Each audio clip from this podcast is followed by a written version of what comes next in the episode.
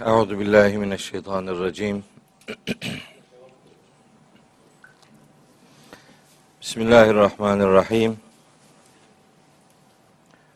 Elhamdülillahi rabbil alamin.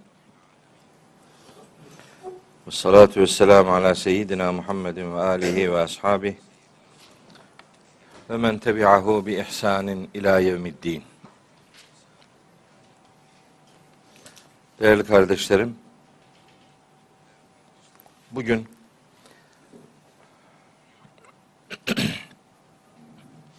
sekiz ayetlik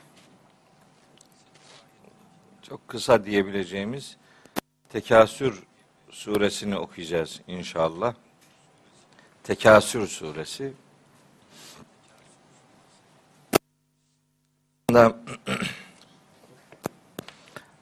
Birkaç sureyi böyle toparlayıp da hepsini birden okuma imkanımız var ama yine de biraz detaylı bilgi olsun her programa bir sure düşünerek e, hazırlıyorum. Bu akşam da Tekasür suresini dersin konusu olarak belirleyelim dedim. Zaten iniş sırasını takip ediyorum. Hani benim Envarul Kur'an diye hazırlamakta olduğum bir tefsir var. O tefsirin şu an itibariyle 70. suresini çalışıyorum iniş sırasına göre. İşte Hud ve Yunus surelerini birlikte çalışıyorum. Orada takip ettiğim sıraya uygun olarak buradaki dersleri de aynı surelerin iniş sırasını takip eden bir e, okuma yapıyorum. Her zaman söylüyorum, bir daha söyleyeyim. Benim takip ettiğim sıralama yüzde yüz herkesin takip etmesi gereken bir sıralama değil yani. Başkalarının da takip ettiği sıralamalar var. Benim tercih ettiğim bu. Bu sıralamaları iniş sıralamalarında farklı versiyonların bulunması da yani vahyin indirildiği her gün, her an, her saat öyle yüzde yüz kayıt altına alındı gibi algılanmasın. Başka algılarda devreye girebilir. Asıl mühim olan bir sure Mekki ise bunun Mekkiliğini bilmektir. Hatta belki bir ileri düzeyde bir şey daha devreye sokulabilir. Mekke dönemi üç ana zaman dilimine ayrılır. İlk dört yıl, orta dört yıl, son dört yıl diye. O dört yıllarda tutturulabilirse mesele yok. Bunun dışında işte illa şu gün geldi gibi çok belirleyici bir e, söylemde bulunmak hem mümkün değildir hem inandırıcı değildir. Pek çok eleştirinin yapılmasına sebep olabilir. Mekki medeni sureler noktasında bir belirleyici bakışımız varsa bu yeterlidir. İşte benim takip ettiğim sıraya göre Tekasür suresi iniş sırasına göre 16. suredir. Resmi sıralamadaki yeri 102'dir. Ayet sayısı 8 tanedir. Tabii ki iniş yeri Mekke'dir. Surenin muhtevası iki ayet grubunda değerlendirilebilir. Birinci grup ilk iki ayet. Onun üzerinde oldukça yoğun duracağım. Sonraki grupsa 3 ila 8. ayetler. Onlarda da bir takım detaylar vereceğim inşallah. Cenab-ı Hak bana söyleyeceklerimi doğru söyleyebilmeyi lütfeylesin. Size de dinleyeceklerinizi doğru dinlemeyi, doğru anlamayı ve doğru yaşamayı nasip ve müyesser eylesin.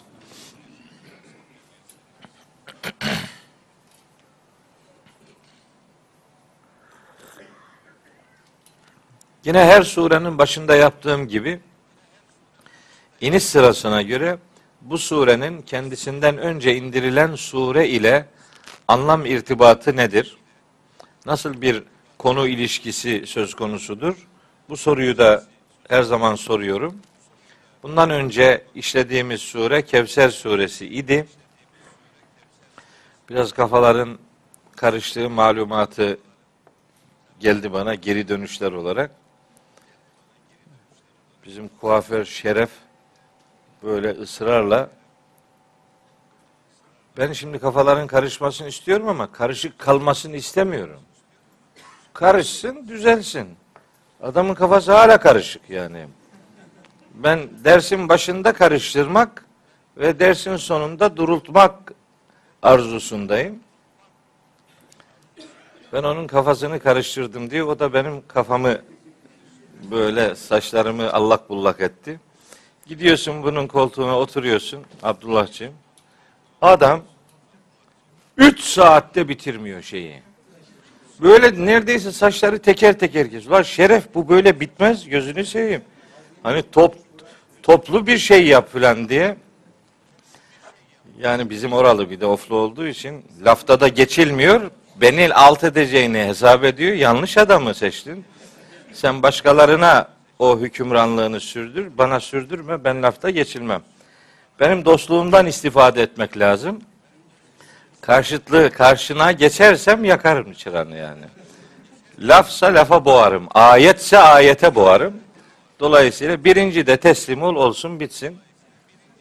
Şimdi Kevser suresi e, tabi kurbanla ilişkilendirdiğim için bir takım yanlış anlamalar e, sanki oluştu gibi ama yok ben sözümü çok net söylüyorum hiç hiç eksiltmiyorum. Bir de şöyle bir algı var bazı arkadaşlarda. Hani onu da burada beyan etmiş olayım. İşte hocam siz öyle diyorsunuz ama işte filanca hoca öyle demiyor. E ne yapalım? Ne yapalım yani şimdi? Sende akıl var mı? Var. Kafan çalışıyor mu? Çalışıyor. Söyleneni anlıyor musun? Anlıyorsun. Ne güzel işte beni de dinle. Onu da dinle. Bir başkasını da dinle. Daha bir başkasını daha dinle. Al eline başka kitaplar oku. Karşılaştır, mukayeseler yap. Ondan sonra de ki ya bu daha doğrudur. De. Hatta becerebiliyorsan başka bir şey yap. De ki bu da doğru değil, o da doğru değil, o da doğru değil, doğrusu şudur diye sen kendin bir doğru ortaya koy, koyabiliyorsan. Varsa cesaretin, değil mi? Kur'an'ı biliyorsan, sünneti biliyorsan, efendim Kur'an'ın ayetleri içerisindeki o muhteşem anlam dünyasına girebiliyorsan, canıma minnet. Ama sadece bu benim aklıma sarmadı deyip de böyle slogan atar gibi bu doğru değildir, o doğru değildir, hiçbiri doğru değildir. Böyle bir sloganik e, tutum içerisine girmemek lazım. Tekraren söylüyorum. Ben kurbanın farz bir ibadet olduğuna inanıyorum. Bunda zerre kadar tereddüt de taşımıyorum. Dileyen benim görüşümün parametrelerine biraz daha, bir daha, bir daha bakar. Dileyen de yok canım bu müekket sünnettir der, kesmesen de olur. Ama şu soruyu cevaplayacaksın. Kurbanın kesilmediği bir ortamda bayramın ne anlama geldiğini bana söyle. Kurban kesilmiyor bayram. Ne bayramı bu? He, o bayram eğer bir anlam ifade ediyorsa eyvallah. Ben kurban var, seremonik bir ibadettir, sembolik bir ibadettir. Bir beldenin, bir yörenin İslam memleketi olduğunun en önemli işaretlerinden bir tanesidir. Bunun sadece hayvanın değil, hayvanın boynuna takılan o gerdanlıkların bile Allah'ın sembollerinden olduğunu söylüyor. Maide suresinin ikinci ayetinde e, Hac suresinin işte 34, 35, 36, 37, 38. ayetlerinde mustakil bir kurban ibadetinin bütün ümmetlerin tarihleri kadar eski olduğunu o ayetten öğreniyoruz. Hac suresinden. Dolayısıyla benim algım odur. Yani burada herhangi e, bir fikir değişikliğine gidecek durumum yok. Yani rica edeyim, istirham ediyorum yani. Filancalar şöyle düşünüyor. Bir de böyle bir takım üretildi zihnen. Şimdi isim vereyim birkaç tane isim vereyim. Vereyim ya. Bunlar bir takım diyorlar mesela. Garibim Mustafa İslamoğlu. Şey, en başta. At gitsin. Abdülaziz Bayındır. At gitsin. Ali Rıza Demircan at gitsin. Bayraktar Bayraklı at gitsin. Süleyman Ateş at gitsin. Bunların ha Caner Taslaman at gitsin. Emre Dorman at gitsin. Tamam Mehmet Okuyan garip onu da at gitsin. Bunlar bir takım diyor. Yok öyle bir takım yok. Öyle bir takım yok. Kimse kusura bakmasın. Bizim öyle bir takımımız yok. Biz Müslümanız demekten şeref duyan insanlarız. O kadar. Başka başka bir şey yok. Biz Müslüman, ben Müslümanım diyen herkesi kardeşimiz bilen insanlarız biz. Kendileri gruplaşmaya mahkum oldukları için, kafalarını gruplarına sattıkları için, kendi beyinlerini kur, kullanmak diye bir erdemi yaşamadıkları için, aklına hakim olmak gibi bir derdi bulunmadığı için, kendilerini bir aidiyetin dışında müstakil bir insan olarak göremeyecekleri için başka herkesi de öyle zannediyorlar. Bunlar bir grup. Yok öyle bir grup arkadaş. Hayali bir grup üretmeyin. Yok. Bir şey söylüyorum. Ben diyorum ki her konuda ama her konuda aynı şeyi düşünen iki kişi varsa her konuda ama aynı şeyi düşünen iki kişi varsa o iki kişinin biri adam değildir. Çünkü o taklit ediyor. Öyle olmaz.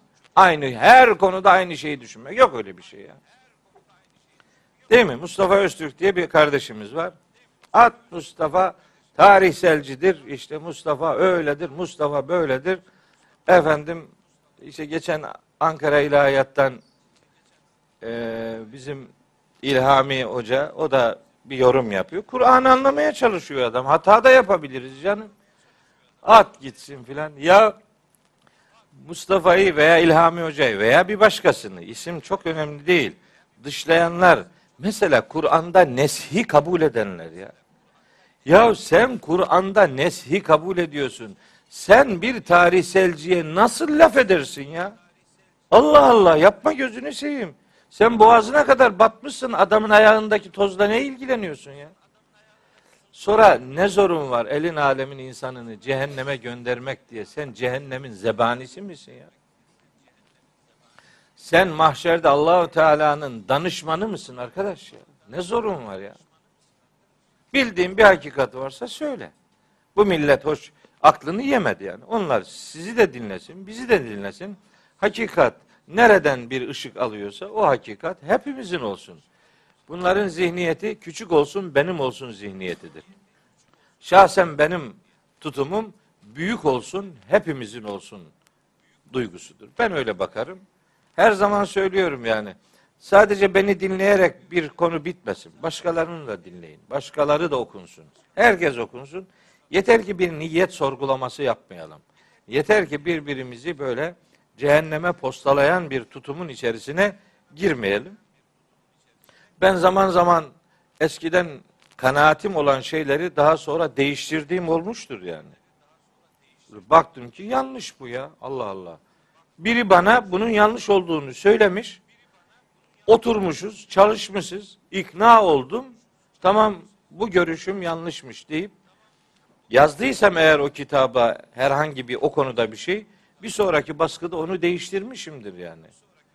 Biz vahiy ile, vahiy meleğiyle müeyyet insanlar değiliz. Yani bir hata yaptığın zaman hemen melek hani yüzüne vur. Alo yanlış yaptın vazgeç bundan. Öyle bir durumumuz yok. Ne kadar biliyorsak, muhakememiz ne kadar yetişiyorsa o doğrultuda çalışmalar yapıyoruz. Ama kalkar biri de dersek yani işte biz bizim filanca bir adam işte neyse adı çok mühim değil filanca biri bu diyor Allah tarafından ona ilim verilmiş biridir. Yok öyle şey. Geç öyle şey. Benim ona karnım tok. Ben 30 senedir çalışacağım. Gece gündüz gözlerim torba gibi olmuş. Kafamda bir tane siyah saç kalmamış. Yıllardır gece gündüz gece gündüz çalışacağım.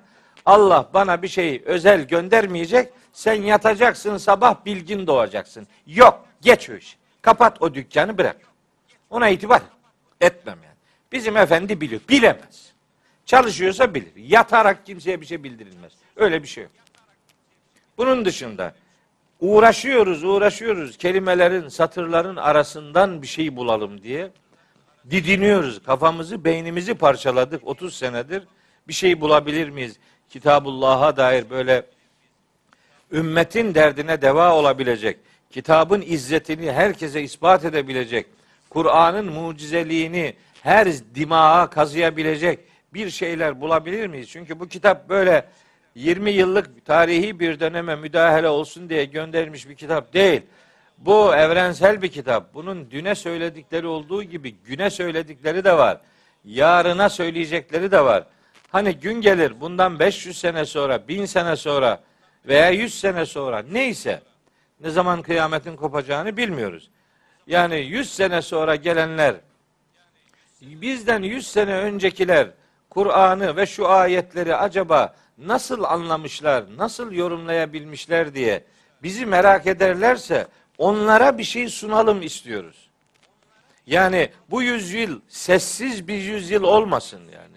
Kur'an adına acaba bu kitap nasıl anlaşılmış filanca asrın içerisinde diye sorulduğunda bir şey söyleyelim insanlara. Biz böyle anladık. Bugünkü bilimin, efendim felsefenin, teknolojinin ulaştığı sınırda biz de Kitabullah'ı şu şu noktalarda anlamaya çalıştık diyelim. Sessiz bir yüzyılın fertleri olmayalım istiyoruz. Çabamız bu. Başka bir çabamız yok. Tekrar ve tekrar söylüyorum. Bizim şahsen adımın geçtiği yerlerde bir takım diye bir söylemi şiddetle reddediyorum. Ben Fussilet suresi 32. ayete iman etmiş bir adamım. O ayetin sözü şudur. Ve men ahsenu. Sümeyra iyi bilir bunu. 32 33 mü? Ve men ahsenu kavlen mimmen daa ilallahi ve amile salihan ve kâle inneni minel müslimin. 33. ayet. Allah'a davet eden, siz yıllardır beni dinliyorsunuz. Bana gelin diye bir cümle hiç duydunuz mu ağzımdan? Bize, bizim takıma, bizim gruba, bizim mezhebe, bizim tarikata, bizim camiaya, bizim cemaate, bizim efendim partiye, bizim mahalleye gelin dedik mi hiç? Demedik. Niye? Ben Fussilet 33. ayete iman etmiş bir adamım. Davetimiz Allah'adır o kadar. Başka başka yok. Ve men ahsenu kavlen kimin sözü daha güzel olabilir? Mimmen daa ilallahi Allah'a davet edenden, Allah'a çağırandan daha güzel sözlü kim olabilir? Ve amile salihan bu davetini yaparken de salih amel işleyen. Davetimiz Allah'adır o kadar. Başka başka yok. Ve men ahsenu kavlen kimin sözü daha güzel olabilir? Mimmen daa ilallahi Allah'a davet edenden, Allah'a çağırandan daha güzel sözlü kim olabilir? Ve amile salihan bu davetini yaparken de salih amel işleyen, düzgün işler yapan, hem kendini düzelten, hem toplumu düzelten, salih, fesadı yok eden, güzel davranışlar ortaya koyan davetimiz Allah'adır. O kadar. Başka başka yok. Ve men ahsenu kavlen kimin sözü daha güzel olabilir? Mimmen daa ilallahi Allah'a davet edenden, Allah'a çağırandan daha güzel sözlü kim olabilir? Ve amile salihan bu davetini yaparken de salih amel işleyen, düzgün işler yapan, hem kendini düzelten, hem toplumu düzelten, salih, fesadı yok eden, güzel davranışlar ortaya koyandan daha güzel kim olabilir? Ve bir de kale şunu diyenden daha güzel sözlü kimse yoktur. Neyi diyormuş? İnneni minel müslimin. Ben Müslümanlardanım diyendir sözü en güzel olan. Ben buna iman ettim. Sen de şimdi gel senin takımınla alakalı bir ayet bul. O ayeti beraber okuyalım. Bakalım öyle mi diyormuş. Ne kadar bölünürsen o kadar kolay yok olursun. Bölünmek bir firavun ahlakıdır. İddialı ama ciddi bir şey söylüyorum. Bölünmek firavun, firavun ahlakıdır. Kasas suresinin açın hemen başında üçüncü veya dördüncü ayet. Orada diyor ki Allahu Teala dördüncü ayet. İnne firavune muhakkak ki firavun ala fil ardı. Ülkede baskıcı bir yönetim kurdu. Ve ceale ehleha şiyan. Ülkedeki ahaliyi gruplara ayırdı. Şia, Şia, Şia kelimesinin çoğuludur. Gruplar demek. Halkı gruplara ayırdı. Böylece yestad'ifu taifeten minhum. Grupların her birini zayıf düşürmeye başladı. Bunun sonucunda yüzebbihu ebnaehum toplumun erkek çocuklarını kestirmeye başladı ve yestahyi nisahum kadınlarını da onlara eziyeti devamlı kılmak için onları da hayatta bıraktı. İnnehu kâne minel müfsidin. Böyle yaptığı için o müfsidinden biridir. Yani bozgunculuk yapanlardan biri idi. Ne zaman kaç defa bölünürsen o kadar kolay yok olursun. Mesela Zuhruf suresinde buyuruyor ki gene bu Firavun'la alakalı buyuruyor ki 54. ayetinde Zuhruf suresinin Festehaffe kavmehu feata'uhu. Kavmini hafife aldı. Onları küçük gördü. Onları ciddiye almadı. Onları adamdan saymadı. Onlara baskı uyguladı. Efendim hepsini ayak takımı gibi gördü. Feata'uhu. Onlar da boyun eğdiler. Onlar da bu zalime boyun eğdiler. İnnehum kanu kavmen fasıkın. Hepsi fasık toplum oldu çıktı. Boyun eğdiren zalimdir. Ona direnmeyen de zalimdir bir çeşit. Neticede her ikisi de fasıktır. Direnmedin mi? Çünkü zulme rıza zulümdür. Biz böyle bir görüntü veremeyiz. Bu ümmetin bölünmemesi için yeni bir şey daha, yeni bir grup daha, yeni bir parçalanmanın örneğini daha veremeyiz. Yani böyle bir böyle bir ahlakımız olamaz. Ben Müslümanım diyeni kardeş bileceksin. Peygamberimiz öyle buyurmuyor mu? El müslimu ehul müslimi. Müslüman Müslümanın kardeşidir. Müslüman Müslümanın kardeşidir cümlesinin altında şu mezhep şu mezhebin kardeşidir yorumu yapılabilir mi? Şu tarikat şu tarikatın kardeşidir. Şu grup şu grubun kardeşidir. Böyle sonuçlar çıkartılabilir mi? Müslüman olmak neyine yetişmiyor senin? Neyini eksik bırakmış oluyor da yeni bir isimle daha anılma ihtiyacı hissediyorsun. Öyle değil mi? Bu ülkenin, bu İslam ümmetinin yaşadığı felaketlerin en büyüklerinden bir tanesi de mezhepçilik felaketidir. 30 yıldır bunu söylüyorum. 30 yıldır. Kendini mezhebiyle tanıtanlar mezhebini dinleştirenlerdir. Mezhebini dinleştirenler öbür mezhebi dinsizleştirenlerdir. Şimdi Suriye'de yaşanan bu kafanın görüntüleridir. Irak'ı perişan eden bu zihniyettir. Şimdi Yemen'i içten içe yıkıp götürmekte olan gene bu mezhepçi zihniyettir. Bir Müslümanın bir Müslümanı kardeşim diye bilmesi varken onu ötekileştirmesi kime hizmet eder? Kim şu anda yeryüzünün en müreffeh ülkeleri arasında sayılıyor? Bir tane Müslüman ülke var mı bunların arasında? Yok. Neden? Çünkü Batılılar geldi ümmeti Müslümanları birbirine düşman etti. Bakın mezheplilikten söz etmiyorum. Mezhepli olmak mümkündür, olur. Bazen zorunludur da, olmalıdır. Adam işi gücü yok, bir şey bilmiyor. Birini takip edecek. Bir mezhebin içinde olabilir. Bunda sorun yok. Ama mezhepçi olamaz. Mezhepçilik mezhebini dinleştirmektir ve bu bir felakettir.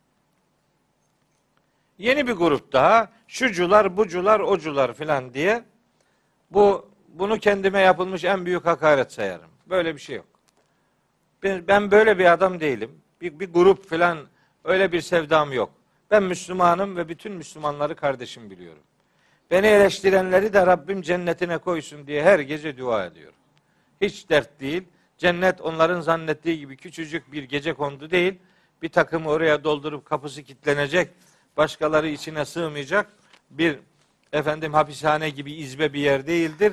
Cennet Rabbimizin genişliğini gökler ve yer kadar ilan ettiği devasa bir mekanın adıdır ve inşallah orada hepimize yer olacaktır.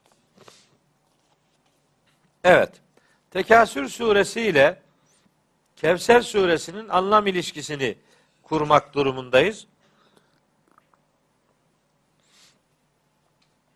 Kevser suresi Hazreti Peygamber'e hınç ve öfke besleyenlerin asıl soyu kesikler onlar olduğu mesajıyla bitmişti. İşte orada bir olumsuz insan tipine gönderme yapıyordu Allahu Teala. Tam da onun devamı olarak bu surede de bir olumsuz insan tanımı yapılıyor. Olumsuz insan. Kendini dünyanın kandırdığı, dünyevi şeylerin kendisini Allah rızasından saptırdığı ve fakat bunun bir türlü farkına da varamadığı bir insan tipi üzerinden tanımlama yapıyor.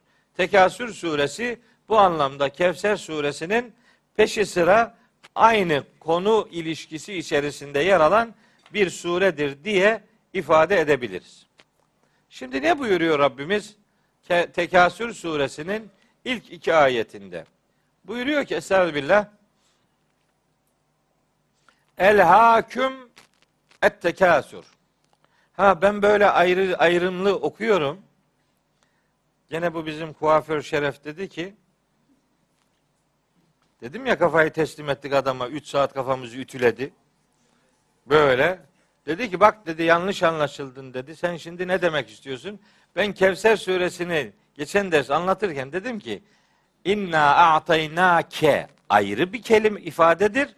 El Kevser ayrı bir ifadedir. Bunu imtihanda soruyorsun. Öğrenci yazıyor. İnna a'taynayı. İnna a'taynayı ayrı yazıyor. Kel Kevser'i ayrı yazıyor. Bu olmaz dedim. İnna a'taynake ayrı, el kevser ayrı. Bunun yazılıştaki farkını ortaya koydum.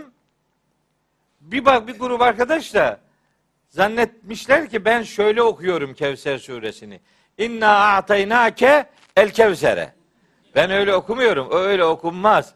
El kevser kelimesinin başındaki o elif lamın el takısının başındaki o hemzeye hemzeyi vasıl derler.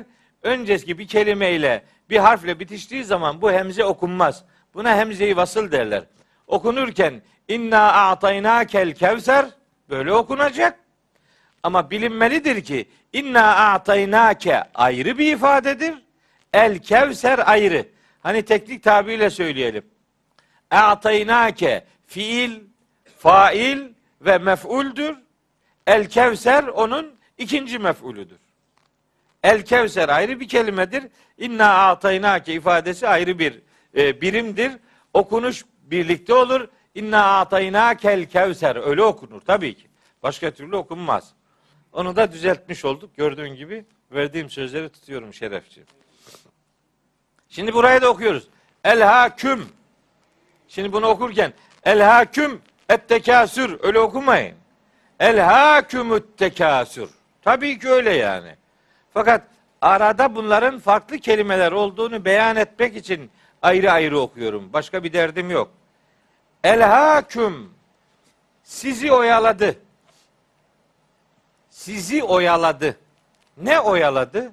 Et tekasuru. Çoğaltma tutkusu sizi oyaladı. Nere kadar oyaladı?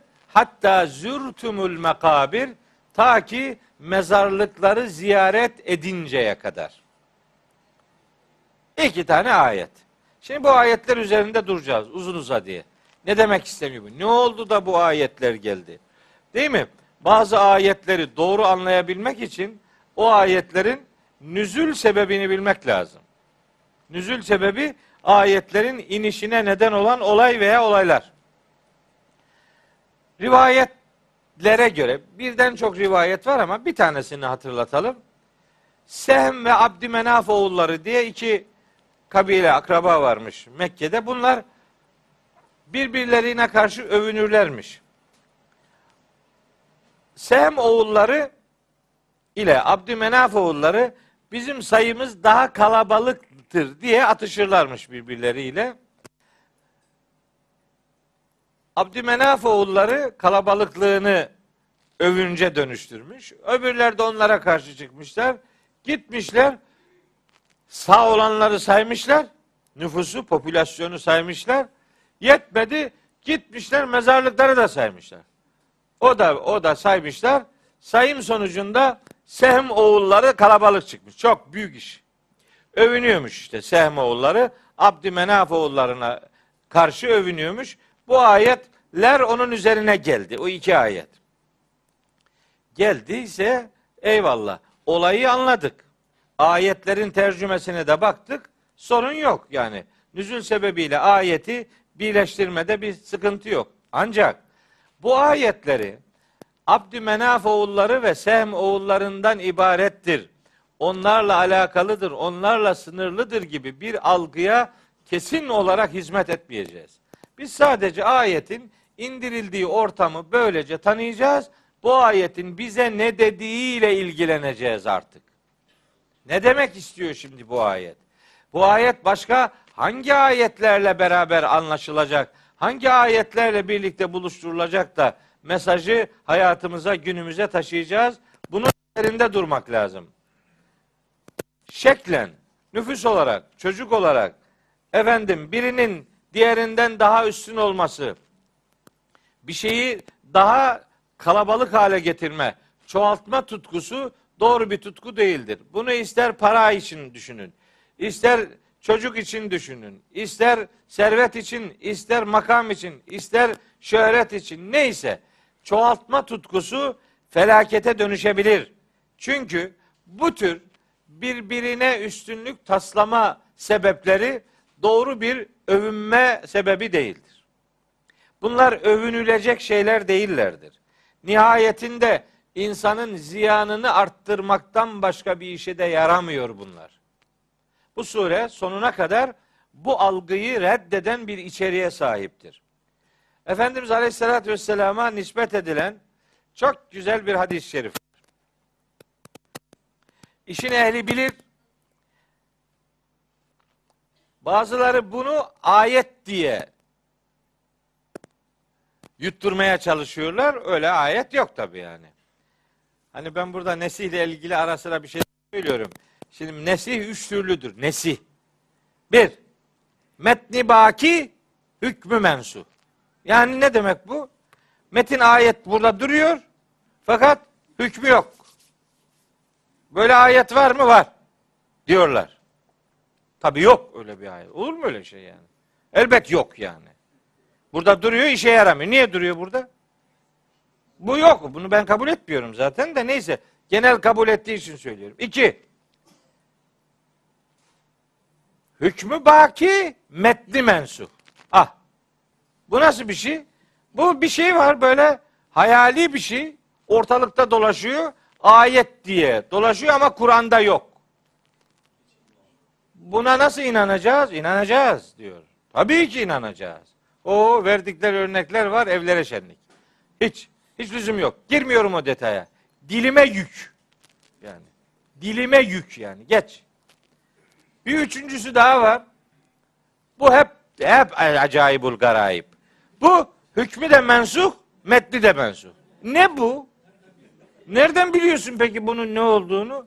Bu ayet diyor. Bu hem hükümsüz hem metinsiz ama ayet. Ya buna inandırıyorlar insanları ya. Böyle öğrenci böyle dinliyor. Lan niye bir şey sormuyorsun be?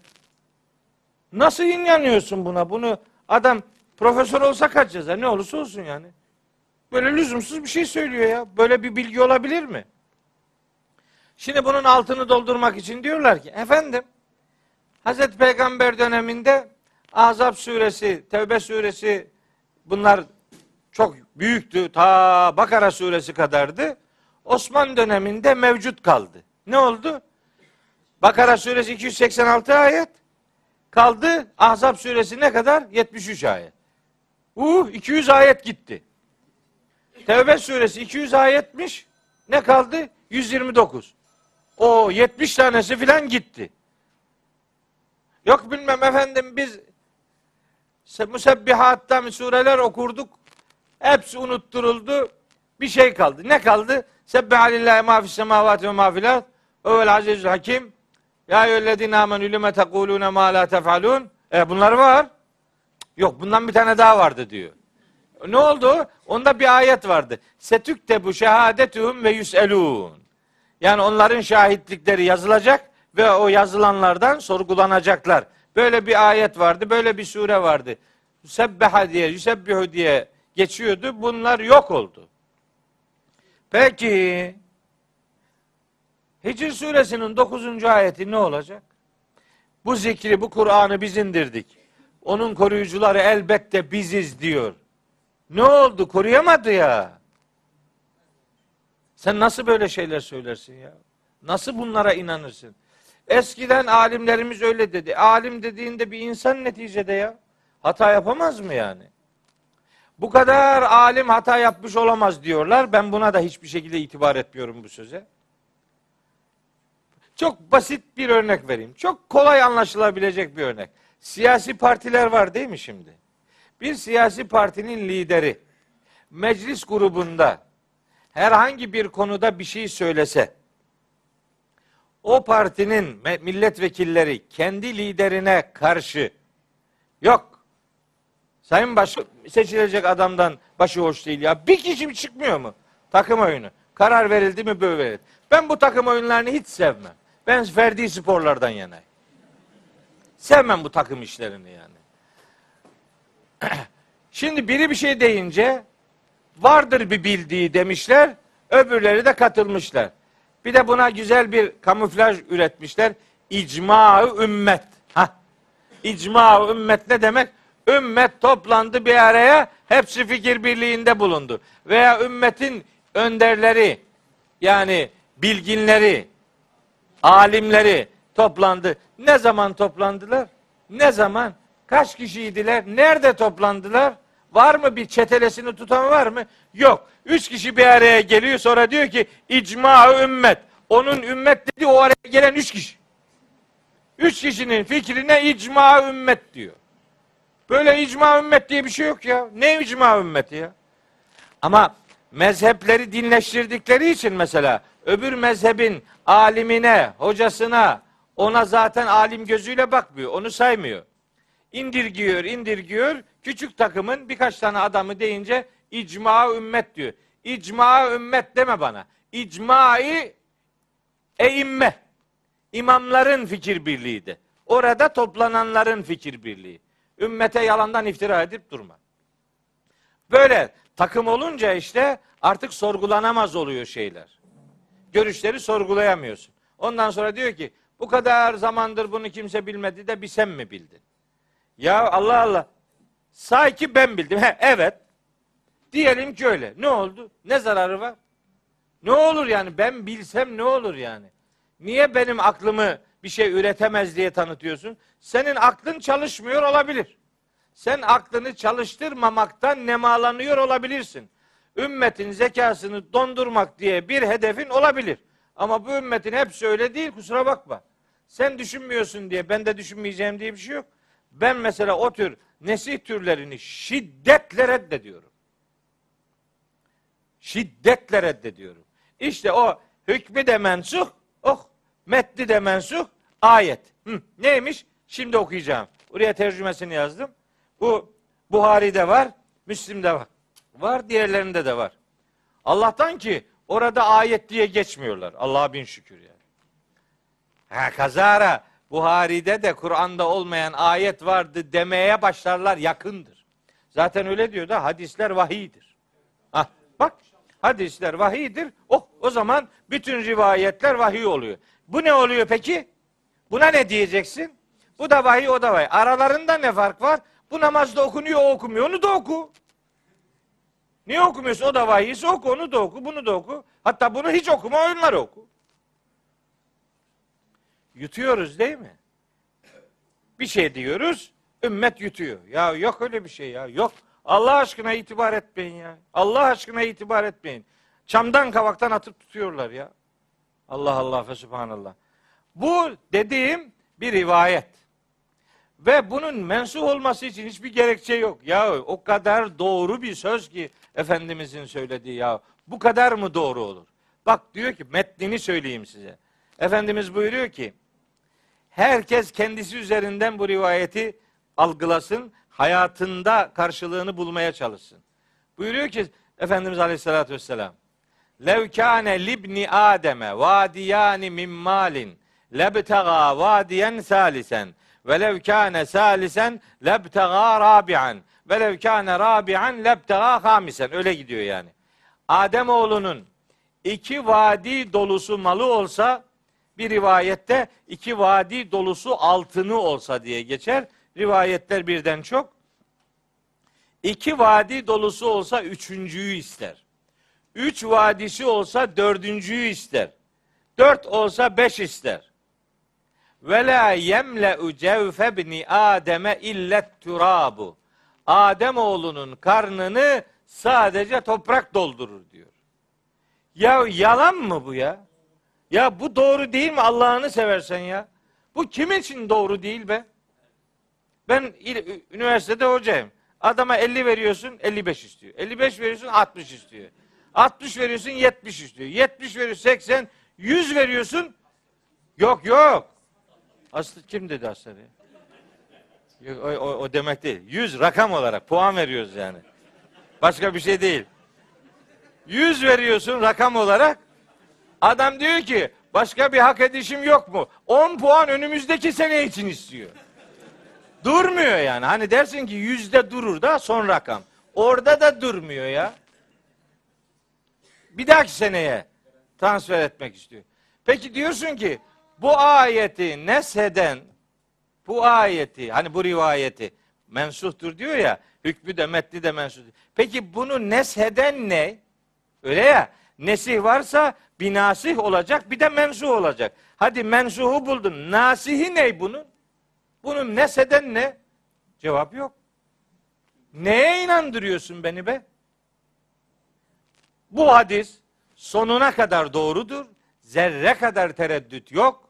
Ve tam da bu ayetin söylemek istediğini bize peygamberi bir ağızla öğretmiş oluyor. El hakumut tekasür. Çoğaltma tutkusu sizi o kadar oyaladı ki hatta zürtumul mekabir ta ki mezarlıkları ziyaret eder oldunuz. Tekasür hatta la tülhi bu elha fiili ile alakalı bir ayet daha var. Onu da söylemek istiyorum. Tam bu ayetle yani Tekasür suresinin birinci ayetiyle anlamı bütünleşen bir ayet. Münafıkun suresinin dokuzuncu ayeti. Orada Rabbimiz buyuruyor ki Estağfirullah. Ya eyyühellezine amenu. Ey iman edenler. La tülhiküm emvalüküm ve la evladüküm an zikrillahi.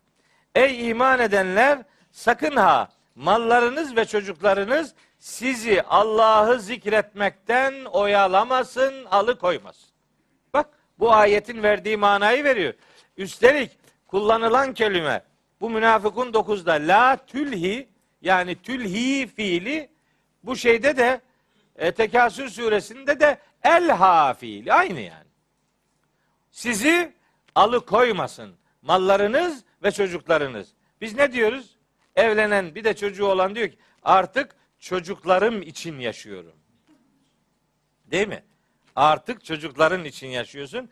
Ben başka bir şey tanımam. Varsa yoksa çocuklarım var diyor. Allahu Teala da diyor ki bak böyle yapma. Beni anmaktan alıkoyarsa seni o ayetin sonunda diyor ki ve men yef'al zalike içinizden kim böyle davranırsa fe ulaike humul hasirun ziyana zarara uğrayanlar işte bunlardır. Ben çocuğum için yaşıyorum. Böyle söz söylenmez. Söylenmez. Çocuğuna rızık temini için efendim e, çalışırsın bilmem ne olur ama senin hayatın yarat yaşam hayat Gayen Allah rızasıdır. Şunun için bunun için yaşanmaz. Elha ile alakalı sözüm bu. Bir ayet var ki bu ettekasür kelimesini bize en iyi ay anlatan ayet o.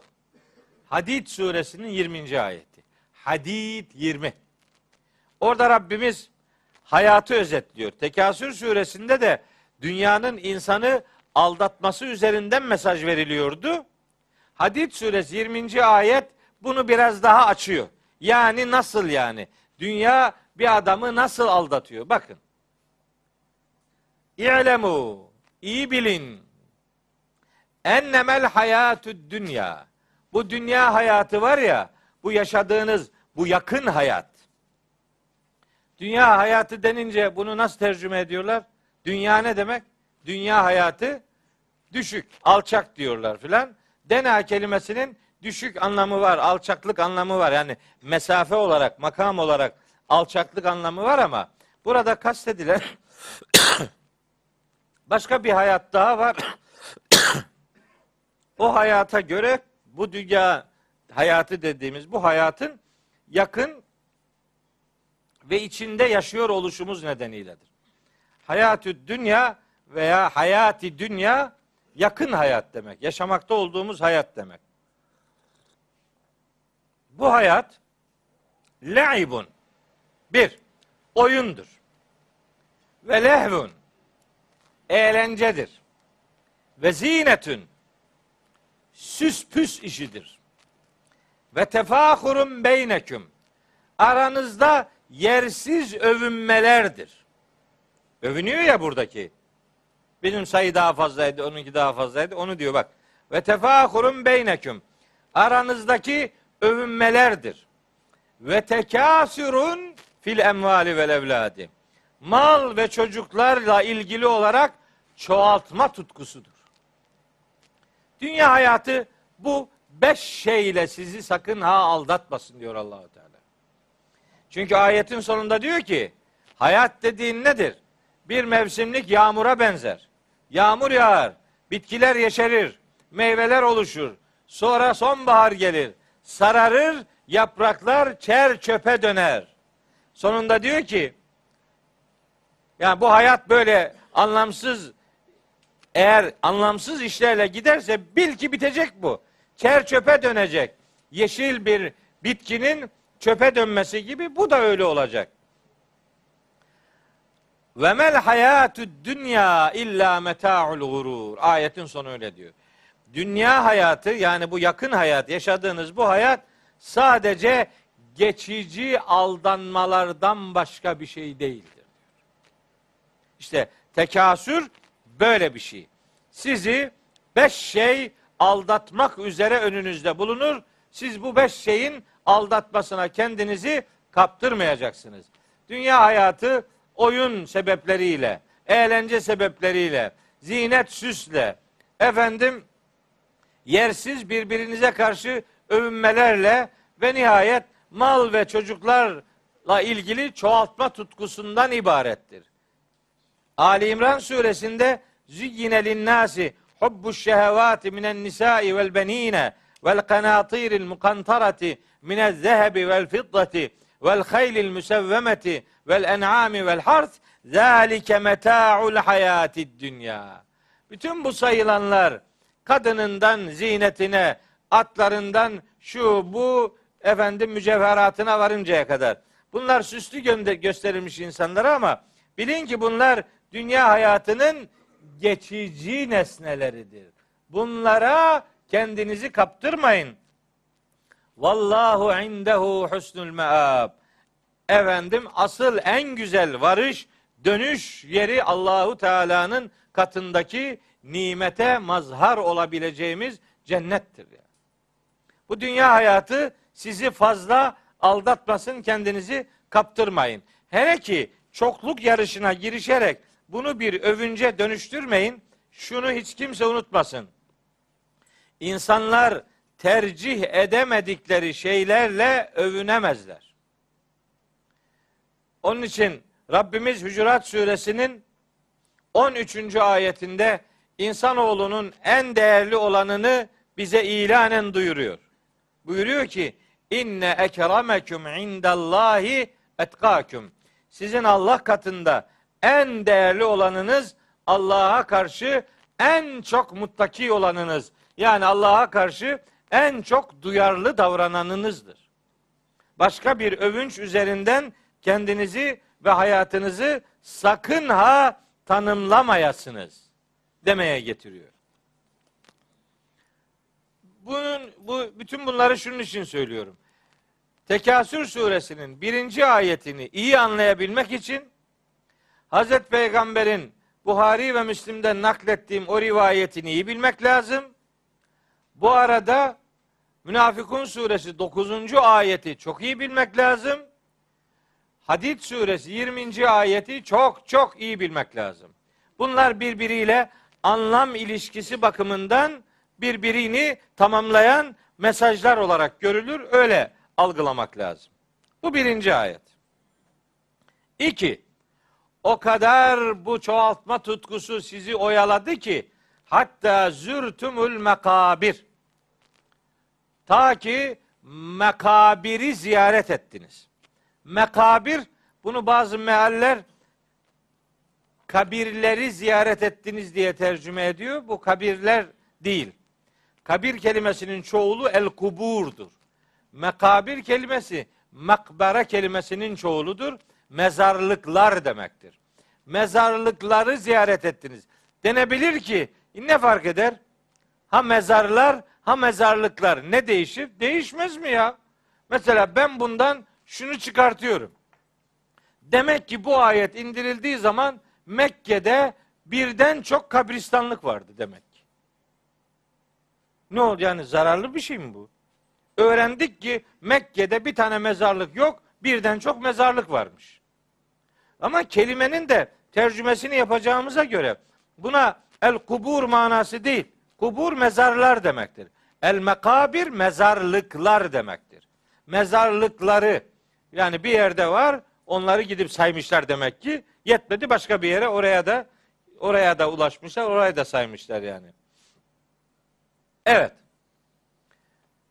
Bu nüzül sebebinde de ifade ettiğim gibi birebir gidip mezarları saymayla ilişkilendirilmiş.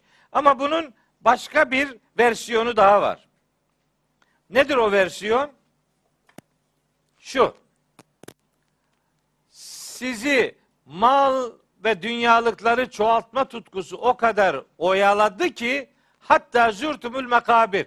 Sonuçta mezarlıkları ziyaret ettiniz. Yani ölünceye kadar bu işi devam ettirdiniz. Tevbe etmediniz bir türlü. Zaten daha önce Müddessir suresini anlatırken size söylemiştim. Sekar cehennemine gitmenin sebeplerini sorar Allahu Teala ve orada dört tane sebep üzerinde durduktan sonra der ki hatta etana el yakin. O sakar cehennemine gidenler demişler ki işte biz e, musalliğinden değildik. Yani tevhid ehli değildik. Yoksulları doyurmazdık. Boş işlere dalanlarla beraber biz de o boş işlerle meşgul olurduk. Din gününü de yalanlardık. Hatta sonunda etana el yakin. Bu gerçek bizim başımıza gelip çattı. Bu yani eğer bir adam küfürde, inkarda ısrarcı olursa ölene kadar ondan kurtulmaz demektir. O hatta etanel yakin ifadesiyle buradaki hatta zürtümül mekabir aynı manayı verir yani. Ölene kadar bu işten vazgeçemediniz, böyle devam ettiniz. Ölene kadar çoklukla övünme tutumu insanda devam ediyorsa o insan artık Allah'a itaati de ibadeti de terk etmiştir demektir. Şimdi burada bir mesaj daha olduğuna inanıyorum ben. Adam gidiyor fiilen mezarları sayanlarla alakalı olarak söylüyorum. Adam gidip mezarları sayıyor. Peki bunun bizim şimdi dünyada şu anda yaşayan Müslümanların böyle mezarlıklardaki adamları sayarak birbirine üstünlük tasladıkları bir şey pek bilmiyoruz yani. Var mıdır sağda solda bilmem ama adam öleniyle fazla övünmez yani. Ö- öleniyle övünme başka bir türlüdür biraz. Mezarını şaşalı yaparlar. Böyle bir türbe ki saray gibi duruyor. Düşünüyor ki onun dışını öyle yapınca içi de öyle oluyor. Ya öyle değil işte. Hiç alakası yok. Üstünü istersen mücevherden, altından, gümüşten, cevherden şekillendir. Zuhruf olsun her tarafı. İçinde, içinde ne olduğunu Allah biliyor yani. Nasıl sıkıntıların olduğunu Allah bilir. Yani böyle bir şey var. Mesela bir mezarlığa giriyorsun, bakıyorsun ki bir, bir, bir yer başka, bambaşka yani. Böyle şey gibi, ev gibi mezarlar var. Böyle ab- abartılı filan. Bu da bu hatta Zurtumul Mekabir'in günümüz versiyonu gibi diyebiliriz. İlla öyle bir sonuç çıkartacaksak onu söyleyebiliriz. Ama asıl kastım o değil. Şimdilerde kendileri üzerine düşen görevi yapmayıp dedesiyle, atasıyla övünenlerin durumu aynı bu adamların durumu gibidir. Hani öyle dermişti. Herkes babasıyla övünürmüş de. Katıra demişler. Katır sen neyle övünüyorsun? Anam attır demiş yani. Onun babası eşek olduğu için bir şey diyemiyor. Babam eşektir dese olmayacak ama anam attır dermiş yani. Ee, yani böyle övünmenin bir alemi yok yani. Bakara suresinde buyuruyor ki allah Teala. Tilke ümmetün kat halet. Leha ma kesebet ve leküm ma kesebtum. Onlar bir topluluktu. Gelip geçtiler. Onların yaptıkları kendilerine, sizin yaptığınız size. Ve la tüselûne amma kânû ya'melûn.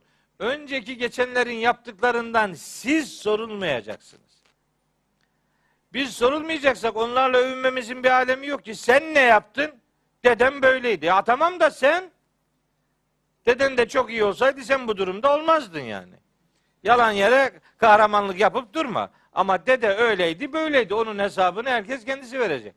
Sen ne durumdasın? Ben ne durumdayım? Atalarla övünmenin bir alemi yok. Sen ne yaptın? De sen dedenle övünüyorsun. Senin torun kiminle övünecek? Senin torun da seninle övünsün istiyorsan sen de deden gibi ol yani. Sen de bir şey yap. Ama yap, övünme. Lafla peynir gemisi yürümüyor. Evet. Şimdi konu kabirler olunca zürtumul mekabir makbereleri, makbereleri yani mezarlıkları ziyaret etmek olunca ister istemez burada bir şeye daha hafiften temas etmek lazım. Kabir ziyaretlerine. Değil mi? İlle de bir gönderme yapmak lazım. Bu burada geçiyor bu kabir ziyareti işi. Biz şunu biliyoruz. Efendimiz Aleyhisselatü Vesselam'ın kabir ziyaretleriyle alakalı çok çok nefis bir e, uyarısı var bize. Buyurdu ki Peygamberimiz Aleyhisselatü Vesselam Küntü neheytüküm an ziyaretil kuburi. Ben sizi kabir ziyaretlerinden yasaklamıştım. Size kabir ziyaretlerini yasaklamıştım. Niye yasakladı? Çünkü böyle yapıyorlardı işte. Müşrikler mezarlarla övünüyorlardı. Benzer bir hatayı müminler yapmasınlar diye onları yasaklamış. Sonra fezuruha artık kabirleri gidip ziyaret edin. Çünkü o illet kalktı ortadan. Daha kimse mezarla övünmüyor. Fezuruha şimdi gidin kabirleri ziyaret edin. Fe inneha tüzekkirukumul ahirete. Çünkü kabir ziyaretleri size ahireti hatırlatır. Aa, o zaman demek ki kabir ziyareti elzemdir. İlle de yapmak lazım. Ne faydası var? Çok faydası var. Bir defa kabir ziyaretinin bak bu hadis-i şerif bize şunu öğretiyor. Kabiri ziyaret ederseniz bunun size faydası var. Ne faydası var? Ahireti hatırlarsın.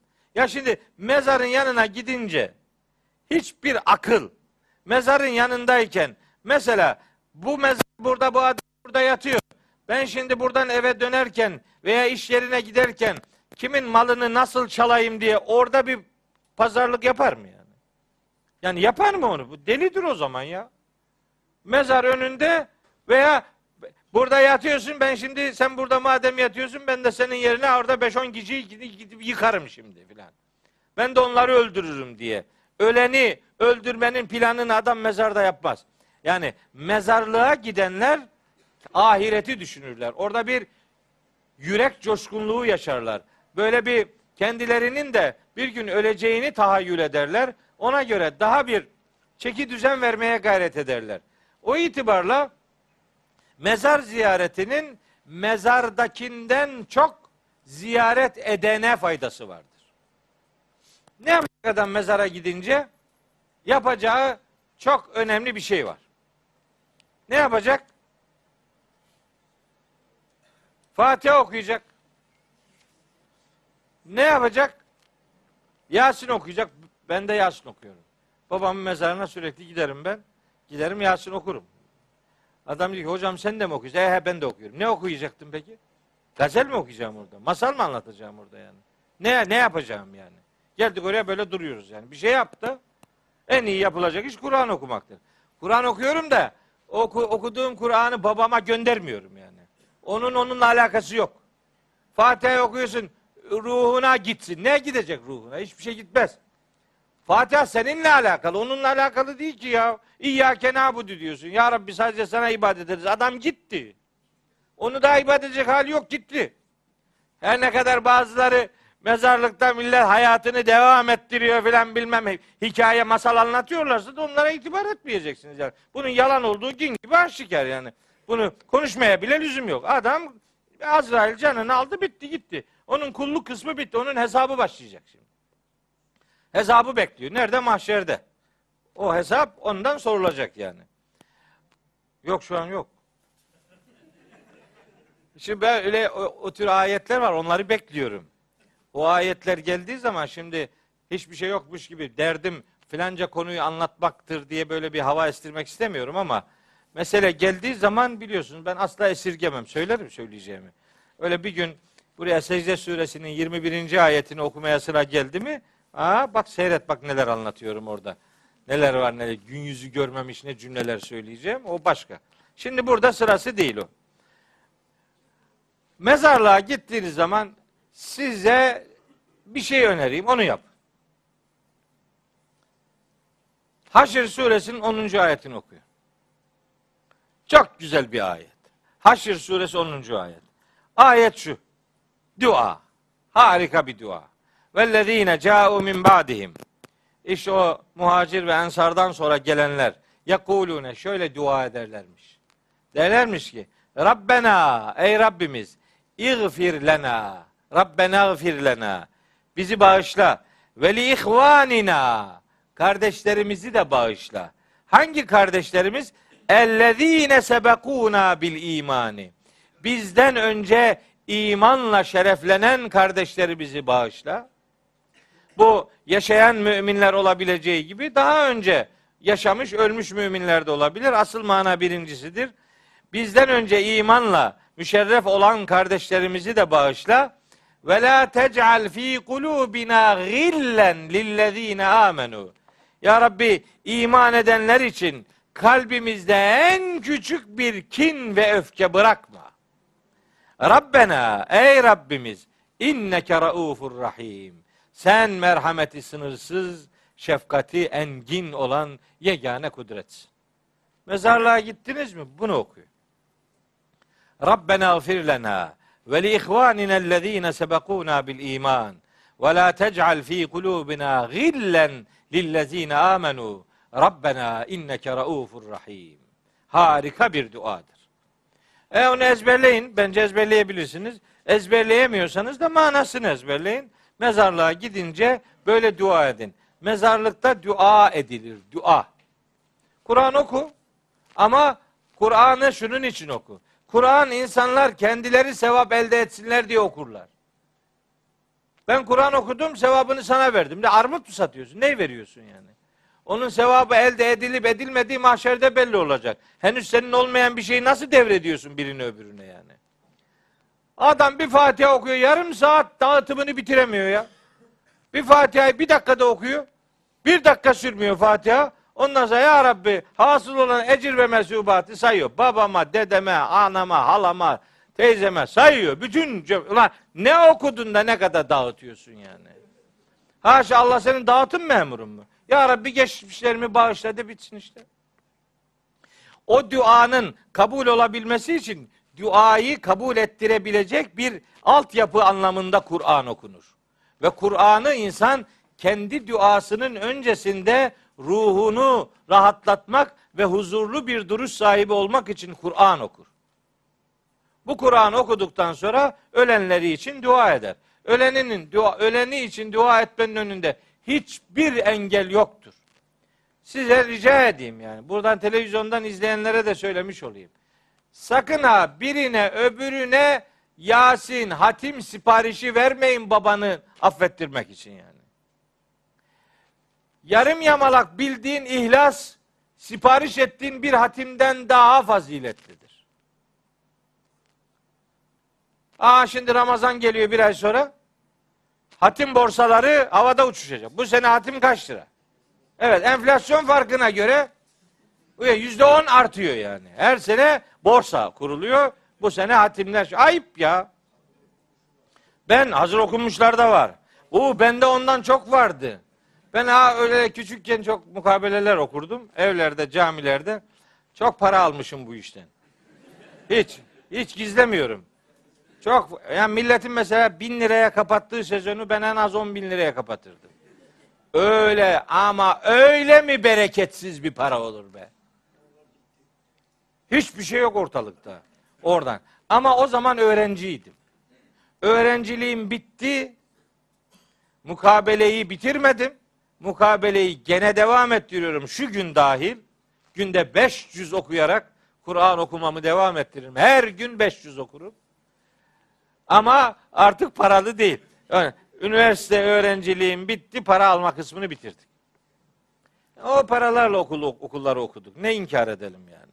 Adam diyor ki sen şimdi o kadar para aldın, şimdi alınmaz diyorsun. E aldık. Aldık ama öğrenciydik. Sen şimdi öğrenci değilsin ya. Bir araban var, evin var, iki tane ev var. Ya diktin apartmanları yeter daha.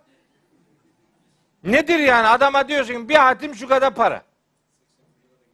Dünya kadar. Şimdi mesela din görevlisi kardeşlerimin maaş durumu iyi. Yani öyle maaş durumları öyle fena değil. Ne yani? Niye mukabeleden para alıyoruz ki? Ya nedir yani? Ne ne olacak yani? Allah'tan alsana karşılığını. Allah Allah'tan sonra adamı adam zannediyor ki bir hatim yaptırdı mı sana? Yedi ceddi kurtuldu zannediyor. Adama de ki bak bu hatimi yapıyorum. Bunun sevabı bana. Ben sevabı alırım. Verdiğim parayı da sen vermiş olsun alırım. Sen hava alırsın. Bunu de bakalım para veriyor mu sana? Vermeyecek para sana işte. O zaman adam zannediyor ki bir hatim yaptırdı, yedi ceddi kurtuldu. Öyle zannediyor adam ya. Babasına dair, geçmişlerine dair görevim onlara Ramazan'da bir hatim indirtmektir. Ona fixlendi adam. Yapma bunu gözünüz. Yani bu senin okuduğun hatim kadar sahabiler okuyamıyor muydu be? Hazreti Peygamber okuyamıyor muydu bir hatim? Onların yapamadığı bir şey miydi bu? Nedir bu borsa? Ayıp bir şey artık bu yani. Ha talebelere burs verin, bolca verin. Ha, o adam Kur'an okuduğu için de ver, Kur'an okusun diye de ver. Kur'an okumadan önce teşvik olsun ver ama öğrencidir, talebedir. Onlara burs verin, teşvik olsun. Ama öğrenciyken o kadar. Öğrencilik bittikten sonra o çocuk da daha almasın artık yani. Ayıp oluyor. Çünkü bu din dalga konusu oluyor. Mesela bu Arafa günleri veya Cuma günleri mezarlıklarda böyle okuduğu Cebrail'in getirdiğine benzemeyen bazı adamlar var. Bir şey okuyup yanlış. O sosyal medyada dolaşıyor bazı videolar var. Yani komedi Allah aşkına yani. Almış eline Kur'an-ı Kerim koymuş koltuğun altına. Kafasına da yarım yamalak bir şey. Fes niye koyuyorsun? Fes mi okuyor? Onu koyuyor ki böyle bir albenisi olsun diye.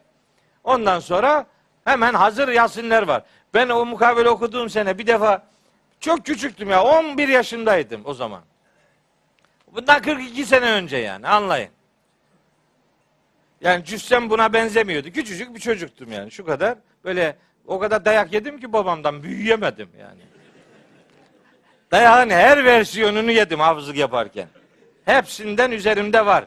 Rahmetlik babam öyle iyi böyle silindir gibi geçti üzerimde. İyi yaptı. Yapmasaydı okumazdım. Herkes top oynuyor, sen hafızlık yapacaksın. Kolay mı o iş? Yani öyle çok zor bir iştir. Allah ona rahmetini esirgemesin babama inşallah. Çok doğru bir iş yaptı bizi hafız yapmakla elhamdülillah. Şimdi mukabele okuyorum Samsun'da. Geliyor biri diyor ki Hafız efendi, küçük hafız benim adım oydu. Küçük hafız, çok küçüktüm. E, 10 tane hatim sipariş ediyor bir kişi. Sayıyor, yazıyor hepsinin adını. Buna bir tane, buna bir tane. Ya 10 tane hatim nasıl okuyacak? Bu bir kişi getiriyor. Öyle 10 kişinin getirdiğini düşün. 100 tane hatim. Nasıl okunacak? 100 sene dokunmaz bu ya. Ben de diyorum ki ya Rabbi bir tanesini okuyorum kemale edeple. Senin rahmetin geniştir. Hepsine dağıt. Çünkü bunu okuyamam dedim mi para gidiyor. Nasıl okuyamam diyeceksin. Mecbur olur. Kabul ediyorsun. Çocuktuk ama ya 10 yaşımdaydım be. 11 yaşımdaydım. Adam diyor ki sen de yaptın. Ben 10 yaşımdayken yaptım. Sen 60 yaşında yapıyorsun. Aynı mı bu? Ben vazgeçtim 17-18 e, yaşında. Sen de vazgeç.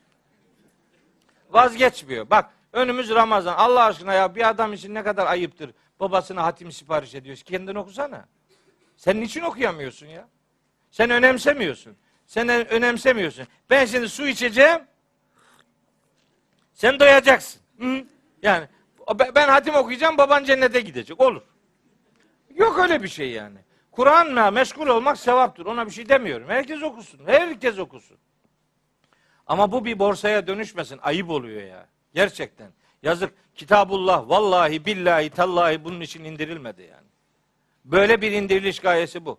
Biliyor musunuz? Herhangi hiçbir sure indirilmemişti ki indirilmemiştir ki peygamberimiz o sure geldiğinde efendim bu sure ölülerle alakalıdır. Gelin bunu mezarlığa tebliğ edelim. Böyle bir demedi yani böyle bir şey.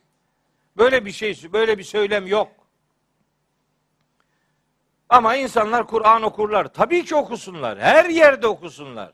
Anlayarak okusunlar. Ama bunu bir pazarlığın ve borsanın konusu yapmasınlar. Yazık.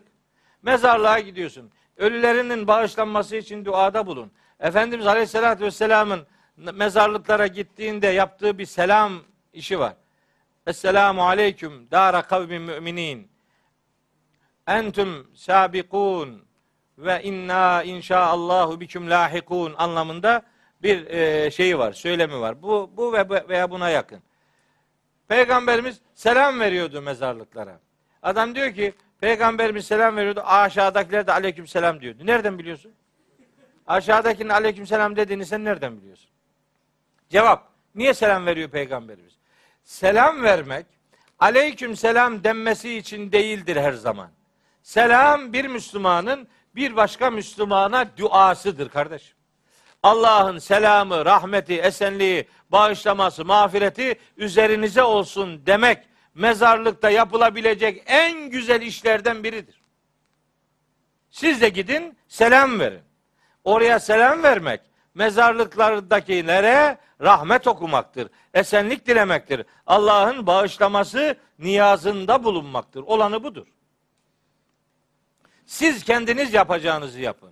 Siz siz olun. Başkalarına ihale ve sipariş etmeyin mezarlıklarla ilişkili tutumunuzu. Evet.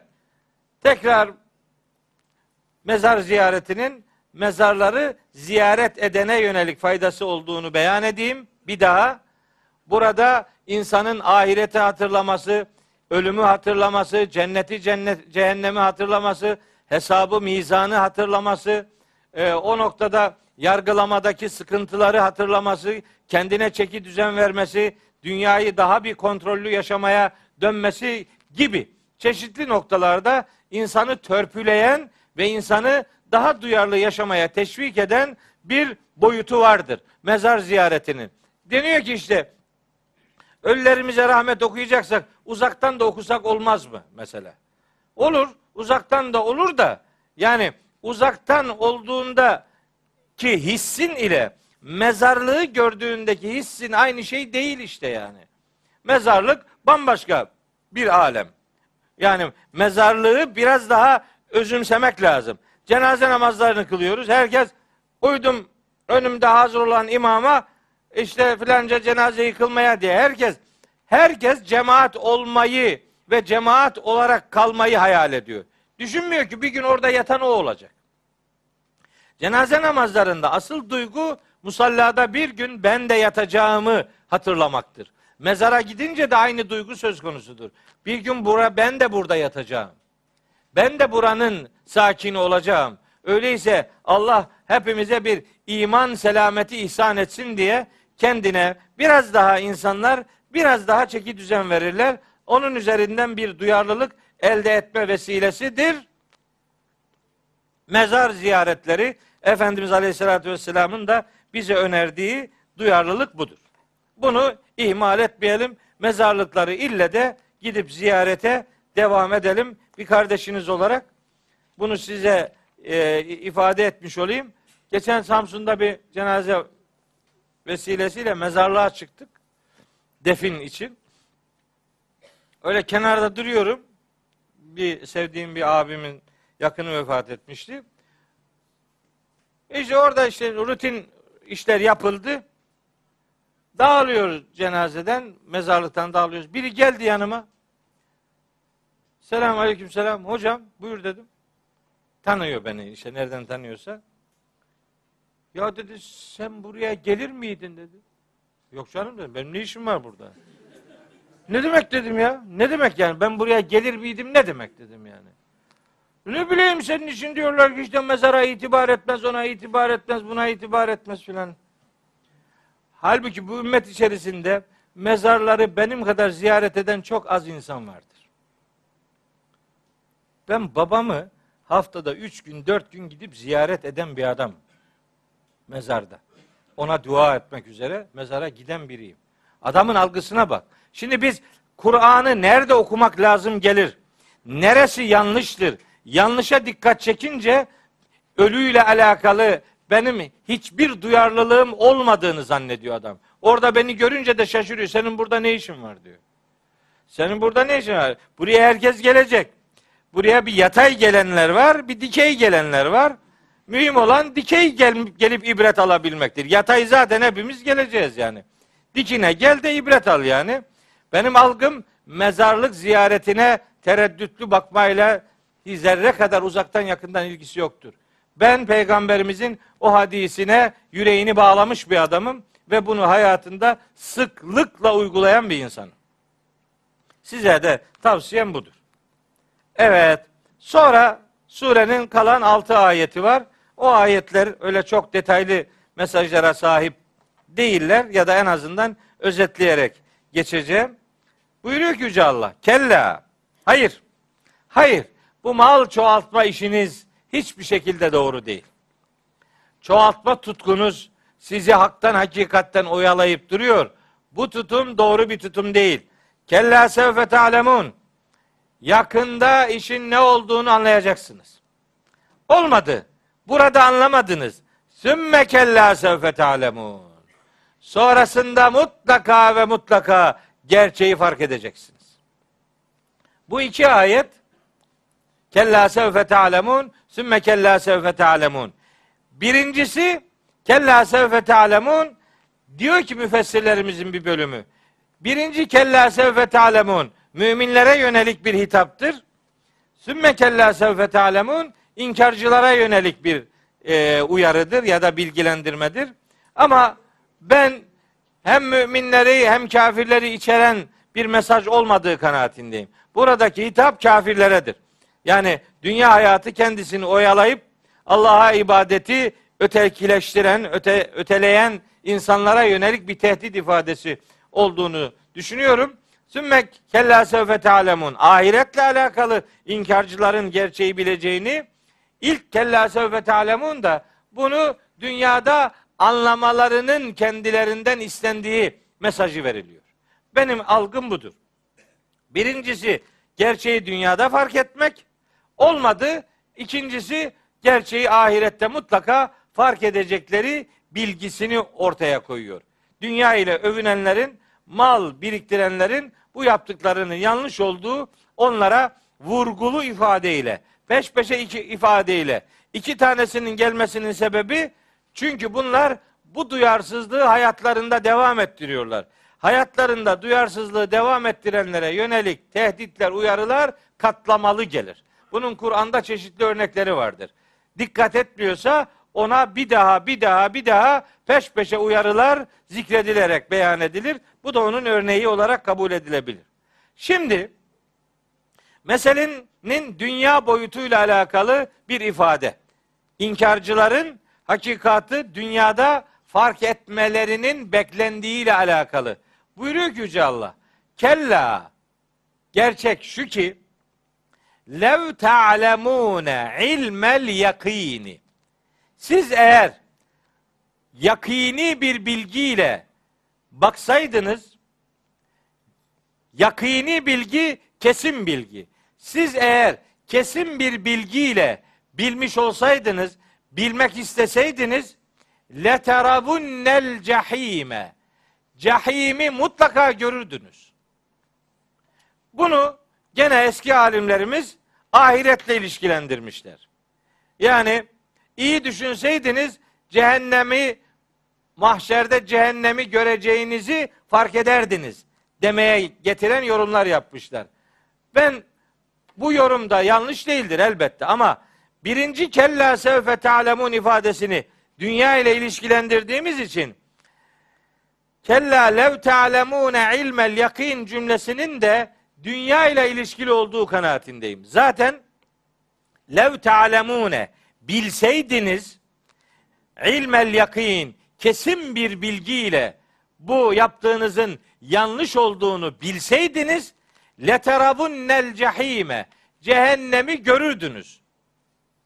Bu cehennem Safat suresinin 97. ayetinde de geçtiği üzere el cehim kelimesi Kur'an-ı Kerim'in her yerinde cehennem anlamına geliyor.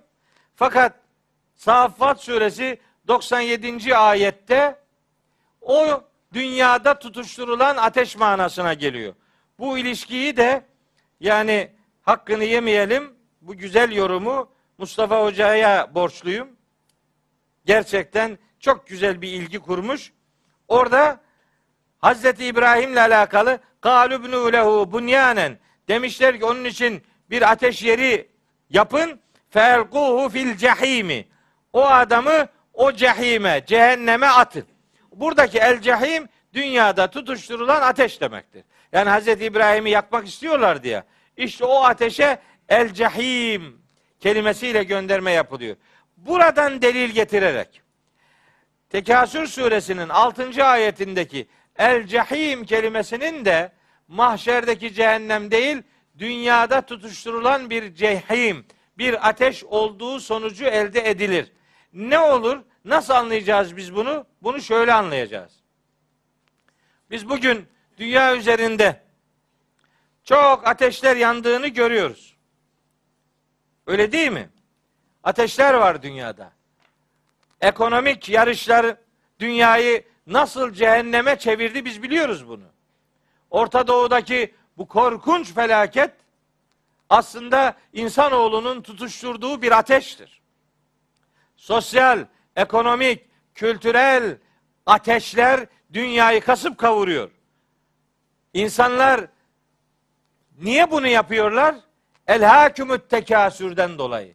Yani mal ve çoğaltma tutkusu. Daha çok mal, daha çok ekonomik girdi elde etmek için dünyada diğer insanlara hayatı zindan ediyorlar. Orta Doğu'da neden bu kadar bir kan akıyor?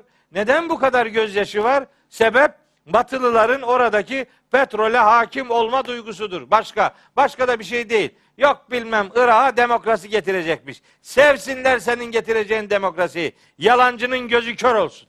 Demokrasiymiş. Petroldü vesselam başka. Başka bir şey yok. Şimdi Suriye'deki mücadelede oradan petrolü, Irak petrolünü Akdeniz'e, sıcak denizlere ulaştırmak için bir koridor açma savaşıdır.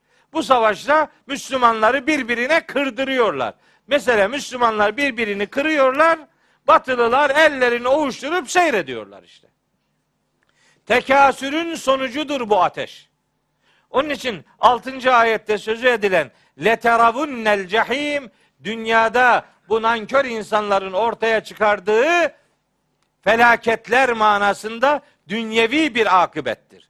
Eğer bu mal ve servet biriktirme tutkusunun, çoğaltma tutkusunun ne kadar felaket bir şey olduğunu ilmel yakîn olarak yani kesin, sorgulayıcı, mukayese edici, irdeleyici bir düşünceyle eğer bunu inceleyip anlamaya çalışsaydınız dünyada ne korkunç ateşler tutuşturduğunuzu görürdünüz. Ama görmüyorsunuz bunu. Adam alacağı paraya elde edeceği ekonomik servete kilitlenmiş. Başka, başka hiç kimseyle ilgilenmiyor. Binlerce insan ölmüş filan. Hiç vız gelir tırıs gider. Hiç ilgilenmiyor. Böyle bir tutum Müslümana yakışmaz. Müslüman böyle bir tutumun faili olamaz. Böyle bir tutumun mef'ulü de olamaz. Böyle bir tutumun öznesi de olamaz. Böyle bir tutumun nesnesi de olmamalıdır. Ama nesnesi olduk işte. İşbirlikçi yöneticiler Orta Doğu'yu Batı'ya, Amerika'ya peşkeş kes çektiler işte. Bu kadar. Başka başka bir şey yok. İnsan haklarıymış filan bilmem ne. Efendim yalandan bir takım görüntülerle milletin gözünü boyamaktan başka bir iş yapmıyorlar. Petrolde bir ölmekte olan bir martının görüntüsüyle milleti aldatıp durdular. Halbuki o martı Körfez'de de ölen bir martı değilmiş sonradan ortaya çıktı. Martı'yı acıyor. Bir sürü insan ölmüş ona tık yok. Her gün şu kadar insan ölüyor orada. Hiç kimsenin kılı kıpırdamıyor. Bizim Müslümanlar da maşallah ölenler ve öldürenler olarak kendi içinde kendini bitirmeye devam ediyor. Ne uğruna? Bizimkilerin derdi mezhepçilik. Bizimkilerin derdi bu. Ehli sünnet sünni olan Şii'yi gavur görüyor. Şii olan ehli sünnet öyle görüyor. Hiç yalandan kimse kıvırmaz. Yok işte öyle görmüyorduk. Öyle televizyon programlarına çıkıp da böyle birbirine müsamahakar cümleler söylemeyle olmuyor bu iş. Faaliyete bakarım ben orada. Kimin kanı akıyor? Sünni'nin veya Şii'nin. İkisi de Müslüman değil mi? Müslüman. Ölen de Allah diye ölüyor, öldüren de Allah diye öldürüyor. Bu nasıl bir inanç ya? Neyin nesi bu arkadaş? Ne zaman çeki düzen vereceğiz kendimize ya? Müslüman kanının akmasını kanıksan olduk ya. Suriye'deki bir adamın geçen bir röportajını okuyordum. Diyor ki Suriye'de gündelik namazlar altı vakte çıktı. Ben de şaşırdım ne demek istiyor. Gündelik beş vakit namaz, altıncısı da cenaze namazı. Her gün cenaze namazı. Her Allah'ın günü cenaze namazı. Yakışıyor Müslümana yani. Şimdi ülkemizin güneydoğusunda akan işte askerlerimizin, polislerimizin her gün şehit haberleri geliyor. Yani yüreğim dağlanıyor benim yani. O kadar canım sıkılıyor yani. Yani ya adamın evine ateş düşüyor. O gene can hıraş metanetini ortaya koyuyor. Vatan sağ olsun diyebiliyor. Ya diyebiliyor da işte onun yüreğinin neler çektiğini o bilir yani. Çok korkunç şeyler bunlar. Neyi paylaşamıyoruz ya? Nedir Allah aşkına yani? Şu güzelim ülkede birbirinin kanını dökmek neyin nesi? Kime hizmet ediyor? Aynı dış güçlerin piyonu olmaktan başka bir şey değil bu. Oynuyorlar. Dünyanın neresinde kan varsa Müslümanlar ya. Niye? Firavun ahlakına kurban gittik. Hepimizi böldüler, parçaladılar, verdiler birbirimize, birbirimizi öldürüp duruyoruz. Ondan sonra tabi evine ateş düşmedi. Televizyon seyrediyoruz şey gibi, film gibi geliyor bize. Film, hayatın gerçeği, yanan yürekler var. Annelerin ciğerleri parçalanıyor. Babaların efendim beyni dağlanıyor. Orayla ilgilenen yok. Hala daha başka şeyler, başka gündemler, başka bir takım hezeyanlar. Bütün bunlar yetmiyormuş gibi bir de başka garabetler türüyor. Efendim bu öyle dedi bu kafirdir. Katli vaciptir. Dinden döndü mürtettir. Bunun mürtet dediği ne biliyor musun? Adam bir konuda farklı bir düşüncesi var. Bu. Mürtet dediği bu. Adamın bin konudan 999'unda sorun yok. Bir tanesinde farklı bir görüş ortaya atıyor. Bu adam mürtettir. Bu adam mürtettir ne demek biliyor musun? Bu adamın öldürülmesi katli vaciptir. Beyim kandan besleniyor. Vampir bunlar ya. Vampir kanı kanıksamış. Yabancı kanına artık razı değil evinin içinde arkadaşının kanını görmek istiyor yani. Ortalık işte leteravun lev ta'lemune ilmel yakin. Kesin bir bilgiyle baksaydınız bu gereksiz çoğaltma tutkunuzun dünyayı nasıl ateşe dönüştürdüğünü görürdünüz. Görün demek istiyor Allahu Teala. Bu mezhepçilik ateşi böyle bir şey. Bu mezhepçilik ateş değil mi? Mezheplilik değil ha. Mezhepçilik ateş değil mi? Ateş. Yaktı geçirdi Müslümanları mahvediyor. Hem şimdi daha şiddetli fitne tokun, tohumları ekiliyor yani. Müslüman kardeşine gayrimüslim muamelesi yapmak kimin haddine düşmüş ya? Sen Allah'ın polisi misin, jandarması mısın? Allah'ın dinini kurtarmak sana mı düşmüş yani? Sen mi bunun görevlisisin? Nereden? Yatıyorsun böyle geldi. Keşif ehli olarak bize bildirildik. Yak canım ya. Keşif ehli sana bildi. Bana niye bildirilmiyor? Ne oldu da keşif ehli oldu o ben olamıyorum bir türlü? 40 senedir gece gündüz vahiy ile uğraşıyorum. Bana bir bilgi doğmuyor da sana nereden doğuyor bu? İlham gelmiş ona. Olur. İlham geliyor. Geliyor sana bir şey de neyse. İlham gelmiş. Sinir oluyorum ya. Evet.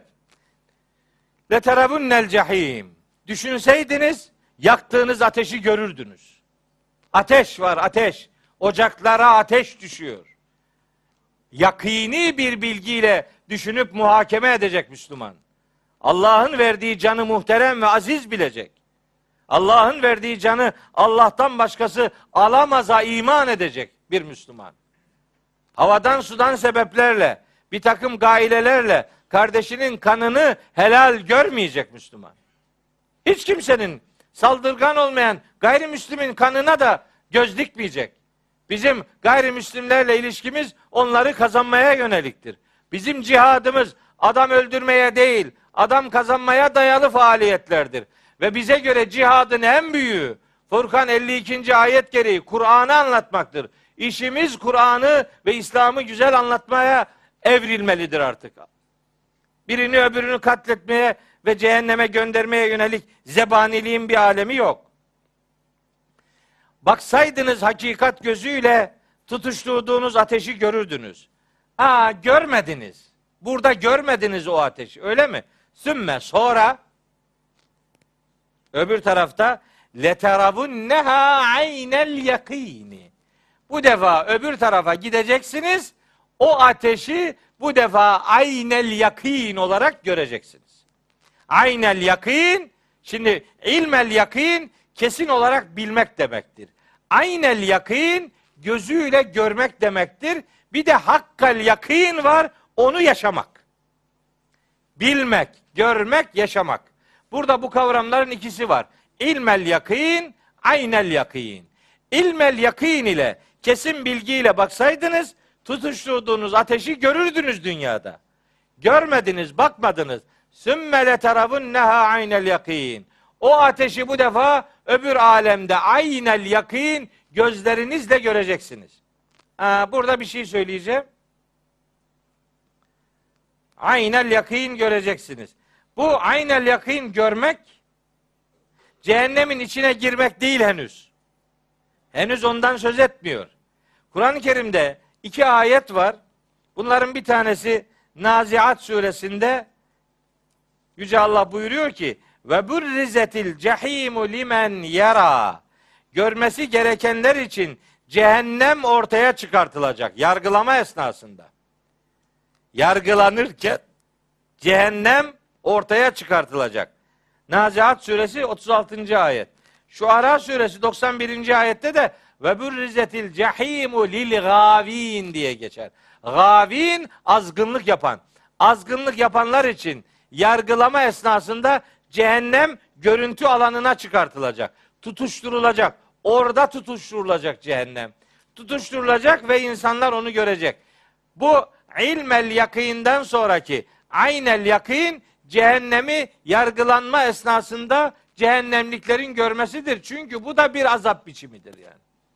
Bu da bir öyle değil mi? Ya, ya her hesaba çekiliyorsun orada cehennem yanıyor. Adamın yüreği titrer. İşte öyle olacak. Bu duyarsız insanlara Allahu Teala üçlü uyarıda bulunuyor. Bir, dünyada ilmel yakin. Kesin bilgiyle hakikati görmeye çalışın. Böylece tutuşturduğunuz ateşin farkına varın. Bu, fel, bu felakette odun olmayın. Bu duyarlılığı ortaya koymazsanız bu defa siz mahşerde cehennemi zaten gözlerinizle göreceksiniz. Sonra ثُمَّ لَتُسْأَلُنَّ yevme izin anin naim. Sonra da size bahşedilen bütün nimetlerden işte o gün sorgulanacaksınız. Sorgulanma herkese yönelik bir işlemdir. Herkes sorgulanacaktır. Efendimiz Aleyhisselatü Vesselam'ın hayatı böyle çepeçevre kuşatan çok nefis bir hadisi şerifi var. Buyuruyor ki insan dört şeyden hesaba çekilmeden önce yani kımıldamaz. Yani bir yere gitmez. Bir ömründen, iki malından, üç gen, gençliğinden, dört amellerinden sorgulanır. Ondan sonra gideceği yere gider. İnşallah gideceği yer cennet olanlardan oluruz. Çünkü Kur'an'a göre hayat bir imtihan alanıdır ve imtihana konu olan her şey insanın sorgulamasına da konu olacaktır. Burada ayetler yazdım. Bakara 155, Ali İmran 164, Hud 7, Mülk 2, İnsan 2 filan. Bunlar insanoğlunun bu hayatta imtihanla yüzleştirildiğini ve mahşerde bunlardan sorgulanacağını ifade ediyor. Bir sıra dışı bir görüş olarak son ayetteki son kelimeye farklı bir anlam vererek dersi bitirmek istiyorum. En-Naim kelimesi Duha suresinin 11. ayetinde ni'meh kelimesi şeklinde geçer.